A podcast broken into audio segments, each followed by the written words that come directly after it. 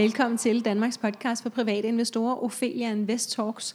Mit navn det er Sara Ophelia Møs, og jeg driver Ophelia Invest med mit meget committed team. Vores mission det er at skabe rum for læring, og vores vision det er, at alle danskere ved, at investering er på bordet, hvis vi altså vil det. Vores struktur er, at vi udkommer en til tre gange om ugen på mandag, onsdag og fredag. Vores hovedsponsorer her i 2022 er den danske børs Nasdaq Copenhagen og den svejsiske investeringsbank Fontobel. Dagens tema det er value-aktier, og jeg er kørt til Holte, hvor at jeg har fået lov at stikke hovedet indenfor hos Kurt Kare, som er aktiechef i Invest. Og hej til dig, Kurt. Hej, hej. Hej. Nu er det jo ikke første gang, at jeg har øh, inviteret mig selv på besøg. det, eller, det er nok heller ikke sidste, du er altid eller, velkommen. Tak skal du have. Øh, eller har inviteret dig hjem til besøg hos mig, fordi vi har faktisk udgivet nu tre episoder sammen. Okay. Øh, Ja. og nu spurgte du jo lige, hvor lang tid det er, vi har, og det er jo kun 30 minutter. Og sidste gang, nej, forrige gang, første gang vi optog, der endte vi jo med at bruge en time. Fordi at da du havde snakket 40 minutter, så tænkte jeg, nu er vi så meget over en halv time, at jeg ikke kan klippe det ud længere, og så tænkte jeg, så må det blive til to afsnit. Ja, men men i det- dag, øh, der har vi sat timer på det hele, så øh, vi kan prøve at klare en halv time. Og øh, Kurt, du bliver jo af nogen kaldt Danmarks Warren Buffett. Ikke? Øhm, Jo, så den er, nogen, lidt, den er lidt stram, ja. den er lidt, ja, fordi... Nå, fordi han er multigammel, og du er så ung. ja, ja, og så, øh, altså jeg tror, det, det er måske vores investeringsstil, der minder lidt om Ja, ja, ja, ja. hans, det er kun det. Ja, Det er ja. kun det, helt sikkert. hverken alderen og udseendet eller Øh, formuen. nej, nej, nej, slet ikke. Men måske også i virkeligheden, fordi nu sagde jeg, at jeg snakkede med en eller anden om det tidligere i dag, tror jeg. Øhm, det er jo ikke kun i forhold til investeringerne, at du går efter et godt tilbud. Det gør du jo. Øh, nu har vi jo snakket sammen nogle gange, og det ved jeg jo, at det er jo en, sådan, du ved, et grundelement for dig, at øhm, altså det her med at være fornuftig og sådan noget, ikke? altså Jo, sætte sig jo. ind i tingene. Og, Det er et økonomisk imperativ, kan man kalde det. Ja, ikke? så jeg tænker faktisk, at øh, nu har jeg set dokumentaren med Warren Buffett, ikke? Altså, og jeg tænker, ja. måske er der flere ting end bare investeringsstilen, Ja, ja. fordi det er en Jo, det er måde at være det menneske rigtigt. på i verden også. Ikke? Helt Men det jeg vil sige var til dem, der ikke har hørt nogle af de andre afsnit, og ikke ved, hvem du er, eller måske hvem mig Invest er, kan du så ikke lige fortælle en lille smule om dig selv og din baggrund, og hvad du laver til daglig? Jo, altså jeg er jo... Øh, altså, man, hvis man skulle kalde mig noget, så var det nok value-investoren for Vestegnen, fordi Ja. jeg er jo vokset op i Tostrup og Chalør og så videre. Så flyttede vi så, jeg var relativt ung, til Frederiksberg med min mor.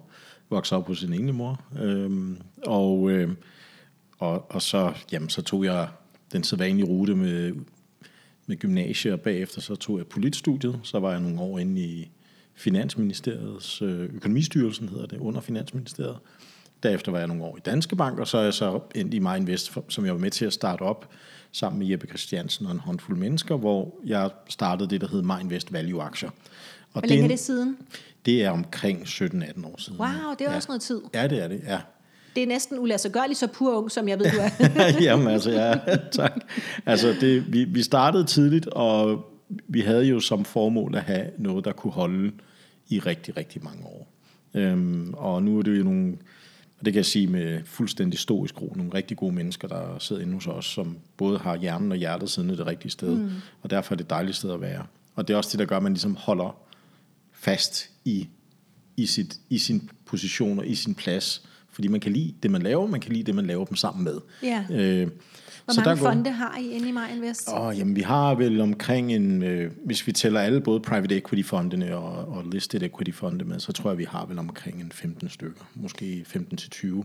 Og det du lige sagde der, det var både de børsnoterede og de ikke børsnoterede. Lige præcis. Ja. Private equity, det er sådan øh, i princippet store, mellemstore selskaber, der ikke er, er på børsen, men, men, men, men du kan jo stadig købe aktien, ja. men så er det sådan mere privat, hvor man ja. skifter hænder, ikke?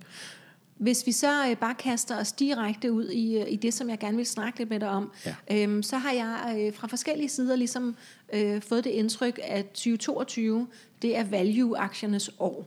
Øhm, fordi at der er så meget øh, rente, øh, rentepolitik, inflation, du ved, centralbankerne, der rumsterer. Øh, der er en hel masse ting, øh, der er i gang, og det der med vækstaktier, øh, det er måske nu, man lige skal til toppen af det, og prøve at være i noget, der har en mere stabil udvikling. Og derfor tænkte jeg, nu må det være nu, ikke? Øhm, at vi lige tager en snak om det. Men vil du ikke først lige sætte et par ord øhm, på aktiemarkedet her i, i 2020 og 2021 under øh, covid? Jo, altså man kan sige, at det der er sket, øh, og det har jo nok forundret rigtig mange mennesker, det er jo, at mens vi har haft en af de største kriser i vestlig økonomi, øh, siden øh, ja, måske 30'erne endda, øh, 1930'erne, øh, så er aktiemarkedet jo bullet derudad. Og det skyldes jo øh, først og fremmest, at man har sænket renterne massivt og pumpet penge ud i systemet for at holde hånden under økonomien.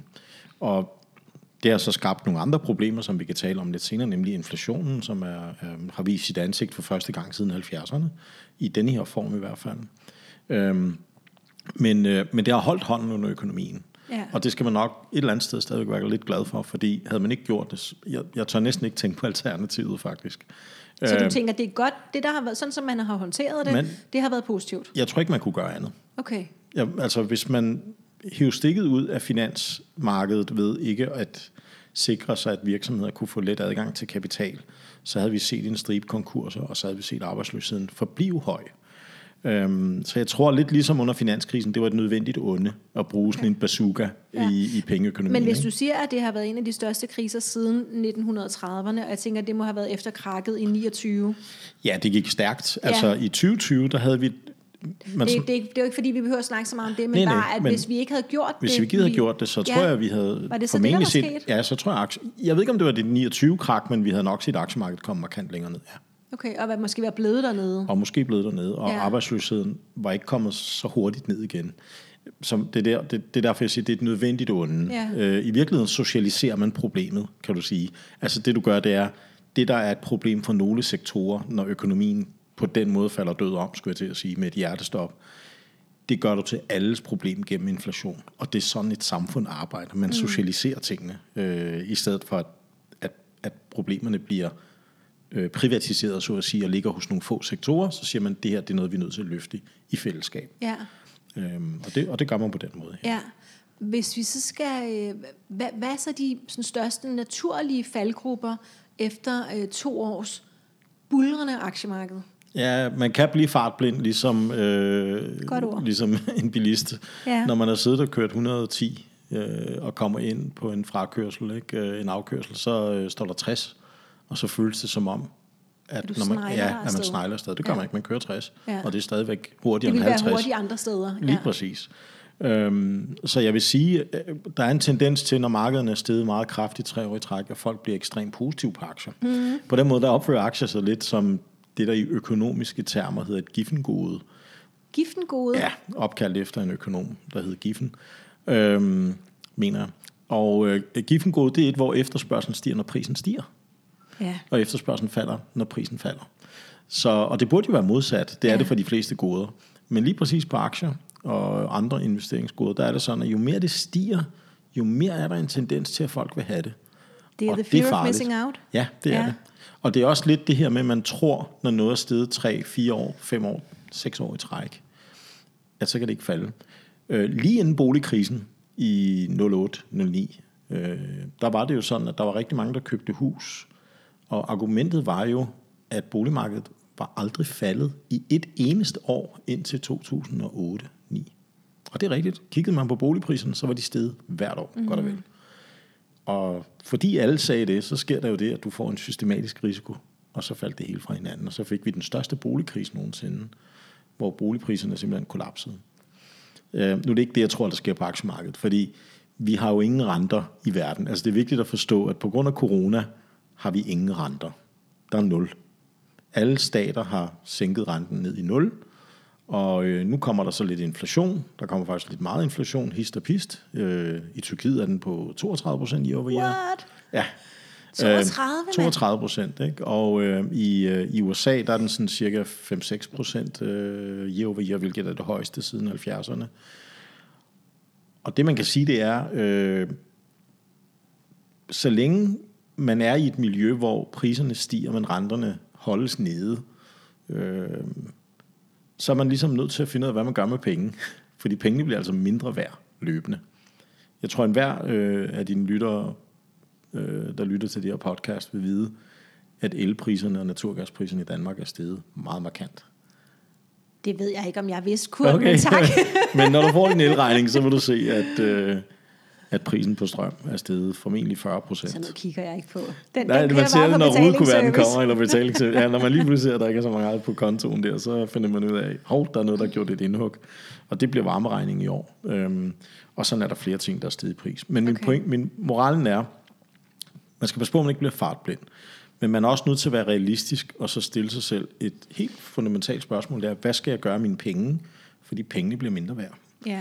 Og Og det var jo det med inflationen. Og kan ja. Vi ikke bare lige for dem, der er stadigvæk er lidt i tvivl ja. Om, hvad det betyder? 100 kroner på et år bliver til, hvis den er 2%, så bliver det til 98. Hvis den er på 30%, så bliver de til 70 Ja, kroner. nutidsværdien. Ja, Ja. ja. Altså, hvis alle varer, inflation, oprindeligt betyder inflation, at pengemængden vokser. Ja. Men det ender som regel med, at priserne i samfundet også stiger. Ja. Så når vi snakker inflation, øh, så snakker vi jo om, at øh, prisen på sødmælk går op, prisen på huslejen går op, øh, prisen på boliger stiger, prisen på Men stiger lønnen. bildæk, ja, Ja. og lønningerne måske også, så har du løninflation. Ja.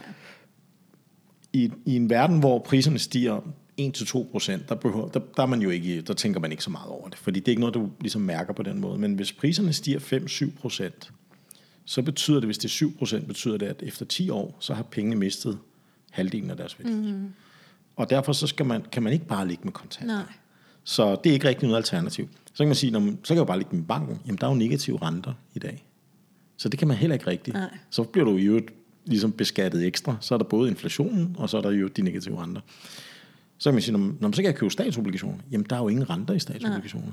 Så der er reelt ikke særlig mange aktier, uh, undskyld, alternativer end aktiemarkedet, Nej. hvis man har en lang horisont. Øhm, så selvom, man sig, selvom jeg siger, at man skal passe på, at man ikke bliver fartblind, og tror, at man kan få du ved, 15 procent om året på aktiemarkedet i de næste 10 år, det, det tror jeg absolut ikke, man kan få. Nej. Hvad tror du, man kan få? Ej, jeg tror måske, man, altså over en 10-årig horisont, øh, der tror jeg, du kan få 5-7 procent på anno. Og det er ikke dårligt i en verden med nul renter. Nej. Øhm, det er Men måske det er endda langt sat for fra højt. de Altså. 30 eller 50 er eller meget langt 300 fra, procent, ja. som nogen måske har oplevet ja. De sidste par år, ikke? fordi at alt har haft Ja. en turbo i ryggen. Jeg, jeg tror, vi er på vej ud af motorvejen, og nu er vi kørt ud på afkørselen eller frakørselen, og nu kommer vi ind i bykørsel, og nu hedder det altså 40 eller 50 i timen. Og det er okay. Det er bedre mm. end at gå. Ja, det er bedre end at gå. Ja. Lad, lad os hoppe videre til det næste her, fordi nu, ja. Nu bevæger os, vi os så ind på en, endnu mere med det her på value. Øhm, der findes jo to øh, aktietype par, value og vækstaktier, og det er lidt fjollet, det hedder, det burde hedde værdi og vækstaktier, men value, det er simpelthen bare det, det, det bliver kaldt. Ikke? Jo. Øh, og så har vi de defensive og de cykliske aktier. Ja. Kan du sådan helt kort lige øh, fortælle, hvad hvad? Ja, altså det interessante er jo sådan set, at value og vækst er ikke nødvendigvis øh, hinanden eksklusiv. Altså, det, Modsætninger. modsætninger. Ja. Det er det ikke nødvendigvis. Øh, jeg tror faktisk, apropos nu nævnte du Warren Buffett, at han, jeg mener, han engang har sagt, at value og vækst, det svarer til overkroppen og underkroppen på et menneske. Det, Okay. det er forbundet ved Vi har brug hofterne. for begge dele. Ja, vi har brug for begge dele, og det er forbundet ved hofterne. Okay. Vækst har en værdi. Mm. Øhm, og hvis ikke væksten skaber værdi, har det, så har det, har, har det ingen value for os som investorer. Øh, Jeg plejer lidt øh, i, i skæmt at sige, at jeg er 1,69, så jeg ved, at der er en værdi i vækst. det lærte jeg i en meget ung alder. Så det at vokse har en værdi. Ja. Man skal bare ikke betale hvad som helst for den. Nej. Øhm, så i virkeligheden vil jeg sige, at vækstinvestorer og valgeinvestorer, de mødes nogle gange faktisk og, og flokkes om de samme aktier. Okay. Øhm, men så er der nogle value-investorer, som køber så billige selskaber, at de kommer til at købe sig ind i solnedgangsindustrier. Ah, det var et flot øh, solnedgangsindustri, men Ja. ja. det er helt øh, Det kan selvforklarende. være, ja, altså, Ja. du ved... Øh, Noget, der er på vej ned. bi, ja, bilen blev opfundet, øh, kareten, den er ved at dø, ikke? Ja. med heste, ikke? Øhm, men den vil være billig. Den være billig, Nok, fordi ja. gra- du ved, gratis ost findes kun i musefælder, så man skal passe lidt på, ikke? Og det er vel Øh, ikke gratis, hvis man får kappet poten det, af. nej, det er jo det. Nej. Så det er en musefælde, ikke? Ja. Så det ser Nå, billigt ud. Og derfor så kan man sige, nogle value-investorer, de, de, de kræver så billige aktier, Ja. at de faktisk reelt køber sig ind i nogle, mange, nogle grimme risici, som man egentlig ikke vil tage, nemlig risikoen for, at selskaberne går ned eller ikke- ikke har en forretning. Ja. Omvendt er der også nogle vækstinvestorer, der køber så meget vækst, at de helt glemmer, at den vækst skal munde ud i kontanter på et tidspunkt. Du ved, hvis du giver mig en milliard dollars, så kan jeg skabe vækst. Jeg kan gå ned på gaden og dele pengesedler ud, så har jeg vækst i min vennekreds. Men hvis ikke jeg kan tage den vennekreds og lave det om til 2 milliarder dollars, så er den vækst Så jeg får lidt tilbage. Ja. Jamen, så, man, så, altså, så er det jo tom vækst. Ja. Og øh, så nogle vækstinvestorer kommer til at gå i den ekstrem modsatte ende, hvor de køber vækst for vækstens skyld. Ja. Og det hedder også teknisk set vækstaktier, men det er ikke værdifulde vækstaktier. Og de andre aktier, som value-investorerne går rundt og leder efter karaterne og alle de der ting, så det er også teknisk set value-aktier, men det er ikke værdifulde value-aktier. Det er ikke Så det er value-aktier, der kom- kombinationen, der er det, værdifuld. er- det er kombinationen Wow. i den forstand, at hvis du køber en aktie, så, så vil jeg næsten sige, at du skal kræve en smule vækst i indtjeningen. Ja. Du skal kunne se det her. Hvis du lukker øjnene i dag og forestiller dig, hvordan den her virksomhed ser ud om 10 år, så skal du kunne forestille dig, at den er blevet større. Og så skal du købe den her pakke, når den er billig. Det er sådan set det der. ja. Det, det, Det var smukt forklaret. det er sådan, man skal Og jeg er vild, at, vild med, at vi lige fik solnedgangsindustrier og musefælder med ind i. Ja. øhm, øh, så nu ved jeg godt, at det måske ikke nødvendigvis lige er dit bord, men de defensive, de cykliske, kan du ikke Ja. lige tage det makkerpar også? Ja, altså man, man plejer at sige cykliske aktier. Øh, grunden til, at man kalder dem cykliske, det er, at deres indtjening stiger, når økonomien får det bedre, når BNP vokser meget kraftigt. Det er jo sådan typisk sådan nogle producenter af råvarer og plastik og gummi, og det kan være bilproducenter, så når, når økonomien vokser, så har folk råd til, til at købe en bil og så videre. Ikke? Defensive aktier, det er så det modsatte. Det er, når økonomien den ligesom falder fra hinanden, øh, så er der nogle virksomheder, som stadigvæk tjener mange penge. Det kan fx være farmaselskaber, fordi vi alle sammen brug for en panodil, hvis vi har hovedpine. Og Stabilt forbrug. Stabil Shampooen. forbrug, Ja. ja. Shampooen, ja. Øh, det er, at du skal have nogle grøntsager på bordet, og så videre. Øh, Jeg kan godt være, at vi bytter stegen ud med havregryn. det kan være, at vi... For en stund, men vi skal have et eller andet Men vi skal have noget Ja. at spise. Ikke? Mm. Øhm, så, så der er nogle øh, der er nogle industrier, som er bedre rustet mod nedgang, og der er nogle industrier, der er bedre rustet mod, eller der er bedre gearet til en opgang.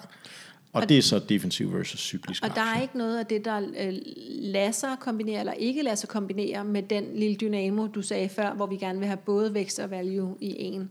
Hvad hvis vi så siger, at jeg vil gerne have både vækst og value, men jeg vil også gerne have det defensivt, ikke? fordi så, så ved jeg, at det er gearet mod, øh, du ved, så er det lige meget, hvordan det går i økonomien, så er, ja. Er min vækst Men god. hoved, hovedtesen, eller kardinalpunktet for en value investor er, at selv når du køber defensive aktier, så skal du købe dem, når de er billige. Mm. Når du skal købe cykliske aktier, skal du også købe dem, når de er billige. Og det er fordi, en cyklisk aktie, der er dyr, er ikke en value-aktie. Det er en overvurderet cyklisk aktie, og så Ja. skal man ud. Ja. En defensiv aktie øhm, kan også godt blive meget dyr, og det betyder, at den faktisk godt kan falde fra hinanden, fordi der er mange mennesker, der ejer den, og den er blevet meget, meget dyr. Så man kan sige, øh, guld må aldrig købes for dyrt, og det er altid en dårlig idé at købe overvurderet guld med undervurderet sølv. Ja. Så Men jeg tænker, guld er altid flot. Jeg ved ikke, Ja, om det lige lader sig sammenligne med cykliske eller defensive aktier. Ja, men jeg tænker, ideen er jo, at hvis du ved, hvis du ser på sølvpriser versus guldpriser, så, så er sølvprisen jo meget mere volatil Ja. ja. end guldprisen. Den er mere stabil. Men, og, der, og guldet har historisk haft en eller anden, du ved, det er sådan lidt, Det er lækkert. det er lidt Cool. lækkert, ikke? Det er bare lækkert. Men det kan også blive for dyrt. Og det er bare at sige, guld kan også blive for dyrt, det er bare en måde at sige, du må ikke lade dig forblænde af virksomheden, du ser på. Og og sølv kan også godt blive ja. for billigt. Mm. Og kover kan blive for billigt. Det vil sige, det kan godt være, at det ikke er en top-notch company, du kigger på, men det kan stadigvæk blive for billigt. Der var en meget kendt value investor, der sagde, det er ikke så meget, hvad du køber, det er, hvornår du køber Ja. det, der kommer til at afgøre dit afkast. Ja. Men man siger jo også, alles, altså, det, det har vi vel alle sammen lært efterhånden, at vi ikke må prøve at time markedet. Man skal ikke time markedet. Nej. Det skal man. Det, det er time in the market, Ja, not timing præcis. the market. Ja. Men inden for markedet, der skal man selvfølgelig prøve at finde de selskaber, som Gode har nogle tilbud. gode... øh, Ja, man skal finde de gode, Gode gode tilbud, tilbud. Det er yes. fuldstændig rigtigt. Ja. Øhm, og nu snakker du lige om, om kardinalpunktet for en value investor. Kan du ikke lige øh, uddybe det? Jo, altså vi value-investorer, vi har en, øh, vi er utro, vi, vi er faktisk nogle kyllinger, ikke? Fordi vi, fordi vi er meget, meget, vi er ikke særlig tilpasse, når vi ser, at vi taber penge. Øhm, Så for at undgå det, så prøver vi at købe tingene til den mest attraktive pris. Til gengæld er vi langsigtede. Vi ved, at markedet er volatilt, og når, så når jeg siger, at vi ikke er glade for at tabe penge, så snakker jeg om det, der hedder permanent kapitaltab. Og det vil sige, at du taber pengene for godt. Okay, Det er, at du ej, køber det et eller andet sindssygt dyrt firma, og så var prisen bare sindssygt høj, og så falder den 90 procent og kommer aldrig tilbage. Nej. Det kan også være, at du køber noget crap, for at sige Ja. det mildt, og så går firmaet konkurs. Så kommer pengene heller ikke tilbage. Nej. Så, så vi vil gerne have gode selskaber til gode priser. Ja. Og så ved vi, at markedet kan cykle op og ned på et år og to års sigt, men vi har en femårig horisont, Øhm, så når vi køber et eller andet, så er vi parat til at vente fem år. Så det behøver ikke at være øh, lige næste år, at den bliver øh, god. Bare altså et godt tilbud. Et godt tilbud sigt. kan nogle gange blive et bedre tilbud, og så Ja. ja. samler vi yderligere op i aktien. Ja, okay. Øhm, okay. og det er noget, man lærer med, altså med tiden, og jeg tror også, øh, dine lyttere vil også, hvis, øh, hvis, hvis de kaster sig ud i aktieinvestering, eller har gjort det, så vil de... Man lærer meget om sig selv, hvordan man reagerer, når aktiemarkedet stiger og falder. Ja. Og det er faktisk vigtigere at lære noget om sig selv, end, end så meget andet, fordi man skal vide, hvornår man reagerer forkert. Ja. Øhm, Hvilke ting kan man som privatinvestor kigge efter, øh, når vi nu sidder og leder efter øh, de her value-aktier? Hvad, hvad skal jeg kigge efter? ja, altså, jeg, jeg prøver altid at kigge efter nogle strukturelle ting i økonomien. Ja. Øhm, og nu er det selvfølgelig en ekstrem... Øh, et, det er et ekstremt stort emne, jeg kan risikere at åbne op her, så jeg skal passe på, fordi Du vi har skal to holde os... minutter, ja, lige præcis. Men vi har jo for eksempel en kold krig med Kina, Ja. og det er jo efterhånden evident, at USA og Kina er konkurrenter, men i modsætning til Sovjetunionen og USA, hvor man aldrig røg i, i varm krig på grund af atomarsenalet, så tror jeg heller ikke, vi kommer i en varm krig med Kina, fordi der er for store økonomiske interesser, vi er syltet ind i hinanden. Så kold krig betyder, at det er bare snak? Det, det er trusler om det ene og det andet, Okay. og det kan være, at man øh, lægger nogle tariffer og afgifter på Ja. hinandens varer, eller Men der er vi ingen, tage Huawei blev blokeret. Men der er ingen, der kommer til skade, Fysisk. fordi der er, ja, fordi der er for meget økonomisk spil. interesse Ja. på spil. Yes. Fordi vi igennem 20 år er syltet Ja. så meget ind med Kina, at det kommer nok ikke til at ske. Det er en strukturel størrelse. Mm. Øhm, og der, hvor koldkrigen er stærkest, det er omkring teknologi. Og det er helt specifikt omkring det, der hedder halvledere eller semiconductors. Altså Ja. det er processorer og RAM, hvor amerikanerne og den vestlige verden er langt foran øh, Kina. Og Kina vil gerne lukke det gap. Ja. Så det bliver, en, det, bliver, det bliver et sted, hvor man ligesom kommer til at opleve en masse friktion, og det kan skabe muligheder, det kan også skabe øh, farmomenter. Øhm, og det skal man koble til den anden strømning, som jeg mener, det er, man kan se, det er, at øh, vi er jo vant til, at elektronik falder i pris. Mm. Og det er vi vant til, fordi man kan komme flere og flere transistorer ned på det, der hedder en wafer, som er det, man laver CPU og RAM ud af. Og Det det, blev sådan- teknisk, men du det må blev endelig ikke teknisk. uddybe, fordi det har vi ikke tid til. Det har vi ikke tid til. Men det, det betyder grundlæggende set, er, at dem, i, i mange, mange år har det været sådan, at prisen på RAM, altså memory, det halverede hver anden år. Okay. Man fik dobbelt så meget RAM hver andet år. Jeg kan få lidt, dobbelt så meget hukommelse på min telefon hver andet år. Hver andet år. Det er ved Ja. at slutte nu. Okay. Fordi vi er nået ned på nogle størrelser nu, hvor øh, det er Niels Bohr og kvantemekanik, der driller. Øhm, og det betyder, at vi ikke bare får dobbelt outputtet fra fabrikkerne. Mm. Og i øvrigt er det det output, Kina gerne vil have, sammen med USA. Det er Ja. den kolde krig handler om det output. Ja. Øhm, og, og det kan altså betyde, at elektronik kan stige i pris. Mm. Øhm, det gælder både CPU, og det gælder også RAM. Og når du kobler det til den tredje store strømning, der er i verden lige nu, Ja. og det er, at alt bliver digitalt, som i alt. Internet of Things, 5G, øhm, autonome biler, små robotter. Så nu er der tre ting, jeg skal holde øje med på én gang og vide, de munder ud i den samme investeringshypotese. som er... Det er, at det, som øh, historisk har været betragtet som en råvare, som bare faldt i pris, nemlig hukommelse og måske også CPU, det kan faktisk gå hen og være noget, der bliver den nye olie. Okay. Så i 70'erne kunne du ikke føre krig, hvis ikke du havde adgang til olie. Øh, du kunne ikke starte en virksomhed, hvis ikke du havde adgang til olie. Og Mellemøsten var derfor et ekstremt vigtigt område for USA. Og hele deres militære tilstedeværelse, altså hele koldkrigen blev udkæmpet i Mellemøsten, mellem Sovjet og de arabiske lande på den ene side, og USA og Israel på den anden. Nu står vi over for en ny kold krig, og den kommer til at handle om teknologi, og den kommer formentlig, i det nye Mellemøsten, det bliver Asien, ganske kort, det bliver Asien. Og den nye olie, det er processorer, og det er memory, og man kan sådan lidt, lidt frækt sige, Taiwan er det nye Saudi-Arabien. Okay. Og Så så, det er nogle af de strømninger. sig til resten. Ja. Ja, Øhm, det er nogle ting, man skal være jeg har en stribe spørgsmål. Ja, vi har fem minutter. Okay, så øhm, så vil jeg svare kort. ja, hvis du kan. Øhm, jeg har jo fået øh, fire lytterspørgsmål Ja. ind i dag ikke, til Jo. dig. Okay. Øhm, så nu spørger jeg lige øh, det første her. Kan du blive i tvivl om, hvorvidt value-filosofien er døende? Øh, og så øh, spørges der yderligere. Jeg synes, man hører en del økonomer sige, at renterne burde stige i gåsøjne som følge af stigende inflation, men hverken USA eller Sydeuropa kan klare den gældforpligtelse, hvis renten stiger 5-10 procent. Derfor vil renten kun stige marginalt, og betingelserne for vækstaktier fortsætte. Så kan du sige lidt om det? Ja, Yes. øh, det, det er rigtigt observeret, at renterne nok ikke bare kan stige. Men det vi bruger renten til, det er jo at tilbagediskontere, det er sådan lidt teknisk ord. Mm. Altså det vil sige, at 100 kroner om, om et år, som du selv nævnte, det er måske kun 98 kroner hver i dag, mm. hvis der er 2% inflation.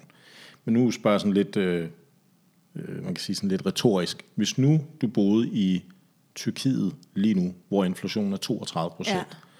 og hvor man sætter renten ned, vil du så bruge renten, som er meget lav, til at Jeg vil bare investere alle mine penge Ja, i ikke? aktier. fordi det er inflationen, der afgør, lige præcis, Ja. det er jo inflationen, der afgør, hvor meget en krone er værd om et år, to år, tre år. Så vækstaktier, hvis inflationen bliver ved med at ligge højt, så er det hårdt for vækstaktier, uanset hvor renten ligger.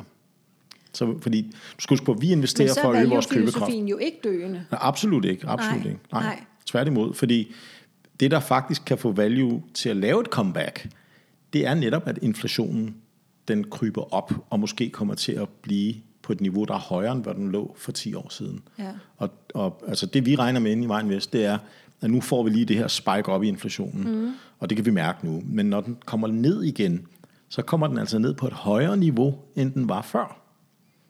Fordi der er så mange strukturelle ting, der foregår, blandt andet det her med elektronik og kold krig og supply chain osv. Ja. Og det gør, at investorerne vil ikke bruge en kunstig lav rente til at tilbagediskontere. De vil sige, jamen mine penge bliver mindre værd. Og hvis du fortæller mig, at du har et projekt, der kan tjene masser af penge om 10 år, det er ligegyldigt, fordi Ja. der er inflation, Mark, og du skal vise resultater nu, og det er en value-aktie. Så har jeg et spørgsmål, som hænger lidt sammen med mit eget næste spørgsmål. Så nu får du lige begge to. Hvilke aktier holder du særlig øje med for tiden? Og så vores lytterspørgsmål, meget specifikt. Hvad mener du om Bavarian Nordic? Ja, jeg kan starte med den sidste. Jeg, har, Ja. jeg, må, jeg må ikke have nogen mening om enkelt selskaber. Nej. Vores jurister i firmaet øh, vil ikke have det, og det har noget at gøre med, at vi har skrevet under på en masse papirer for Finanstilsynet, både i USA og Danmark. Og så, Og så sagde du også, at øh, du ved slet ikke noget om Og så Bavarian Nordic er ikke en aktie. Nej, nej. okay. Så det ved du slet ikke noget jeg, jeg, jeg ved, hvad det er, men, Ja, ja. men jeg, jeg har ikke gået i dybden med Nej. det. Øh, De aktier, som vi følger nu, Ja. er selskaber, der har pricing power. Hvad betyder det? Det betyder, at selskaberne kan hæve priserne. Ja. Fordi når nu vi har et inflationært pres, så har man brug for selskaber, der er så stærke, at de kan hæve prisen, uden at forbrugeren løber skrigende væk. Ja. Øhm, og det er jo sådan noget, øh, nu nævner jeg bare nogle selskaber, uden at det er investeringsanbefalinger, ikke? men Coca-Cola kan for eksempel hæve en pris. Ja. Hershey Bars, de kommer nok også til at stige i pris. Folk er afhængige af det.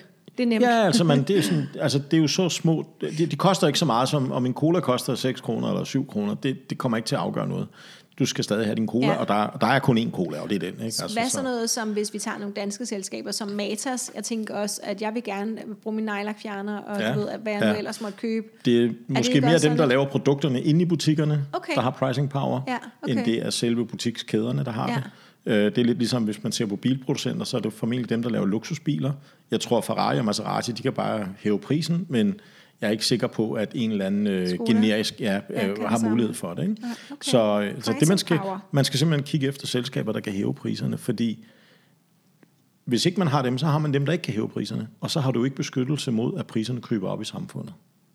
Det er, et sindssygt godt, øh, det er et sindssygt godt tip, som bare er vildt nemt at følge, så lad os øh, pinde den der. Ja. Og så får du lige et til spørgsmål øhm, fra lytterne her. Hvilke grønne value-aktier ser du potentiale i på sådan 5-10 års sigte? Ja, det er faktisk et ret øh, godt spørgsmål. Ja, super vedkommende, ja. Og meget relevant, ja. Altså noget af det, vi har gjort, er jo, igen, det er jo ikke en anbefaling, men Nej, nu kan jeg nej. bare fortælle, hvad vi har gjort. Ja. Ja. Vi har kigget meget på de etablerede bilproducenter.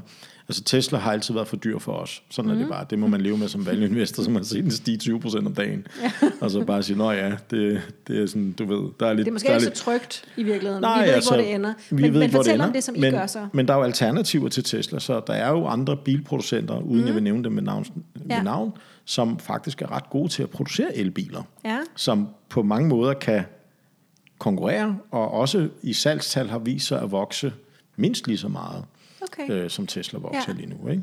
Og dem får man jo til en meget lav valuation. Ja. Altså vi snakker sådan noget fem gange årets indtjening, eller syv gange årets indtjening. Er det det, der hedder PE? Ja, price okay. earning. Ja. Så, så en PE-værdi på 5 og 7? 5-7, dem, det kan du få helt derned på. Okay. Altså Okay. det er, og, og nu øh, igen, uden at, sådan, at det skal være anbefalinger, prøv at se, hvad Ford har lavet. Ford har lavet en, øh, en elekt- elektrisk Mustang. Uh, Mustang var den første sportsvogn, der Ja. kom på markedet nogensinde. Det er derfor, den er kendt, Ford Ja. Mustang.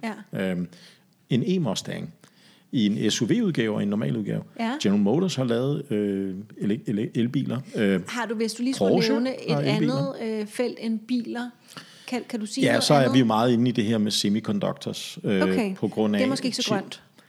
Eller hvad? Ja, men du kan sige, det enabler det grønne, fordi hvis du skal have solpaneler, så har du brug for memory og processorer. Hvis du skal Okay. have en vindmølle op at køre, så har du også brug for det.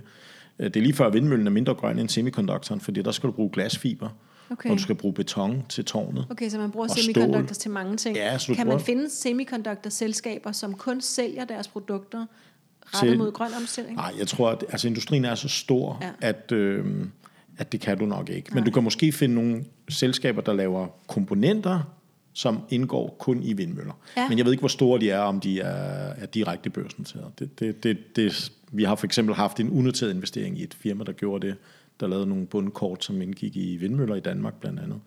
Men, øh, men det er jo ikke noget, der er i min fond, det var i, i de her private equity fonde, ikke? Og, Ja. ja. øh, Godt. Øhm, tiden er gået. Ja. Vi kunne snakke det kunne vi. masser af tid endnu. øhm, ja. Men, øh, men, men mit sidste spørgsmål her, øhm, tror vi skal tage, øh, har, har du nogle råd til lytterne om, hvordan de skal forholde sig til fremtiden? Du ved, eller måske bare det næste år? Ja, altså jeg, jeg tror faktisk, vi, altså, der kan ske det paradoxale, at vi kommer faktisk igennem pandemien på en rigtig, rigtig fin måde. Mm. Øhm, det kan være, at omikron er en øh, velsignelse forklædt som en forbandelse i den forstand, at den er meget smitsom, men, men måske meget mildere. Det viser tallene i hvert fald fra Sydafrika forløbig. Og dermed kan man få flokimmunitet meget hurtigt. Men det paradoxale er så, at aktiemarkedet er steget. Ja. Så det er priset ind, at Ja. vi kommer ud af den her krise. Ikke? Altså aktiemarkedet er jo steget over 100% for bunden på halvanden, to år. Mm. Det, det er jo en rakethastighed. Øhm, og, og det betyder måske bare, at man skal være klar over, at fremtiden giver lidt lavere afkast. Øhm, især når du måler det realt, altså renser for inflationstallene. Ikke? Ja, okay. Øhm, det, Tak. og, og det er der ikke noget galt i, men Nej. man skal bare være forberedt på det. Ikke? Ja, hvad sagde Ja. ja. før? Øh, 50 km øh, i Ja, timen, det er stadig ja, bedre end at gå. Det er stadig bedre end at gå. Okay, godt, det det, det, er, Tusind tak, fordi jeg måtte komme på besøg, Kurt. det er mig, der takker. Øhm, dig, der sidder og lytter med, du kan følge Ophelia Invest på Facebook, Instagram, YouTube og LinkedIn. Du må meget gerne give os en rating, hvor at du hører din podcast. Det bliver vi så glade for. Hvis du vil lære at investere eller øh, analysere aktier, så har vi online kurser i aktieanalyse. Både fundamental analyse, som er det Kurt laver, og teknisk analyse, som er det de der øh, hypede daytraders, de laver. Øhm, du kan være med i en af vores fire aktiegrupper på Facebook, Aktieklubben Danmark, Kvindelogen, Bæredygtige Aktier eller Børsnoteringer og Små Aktier.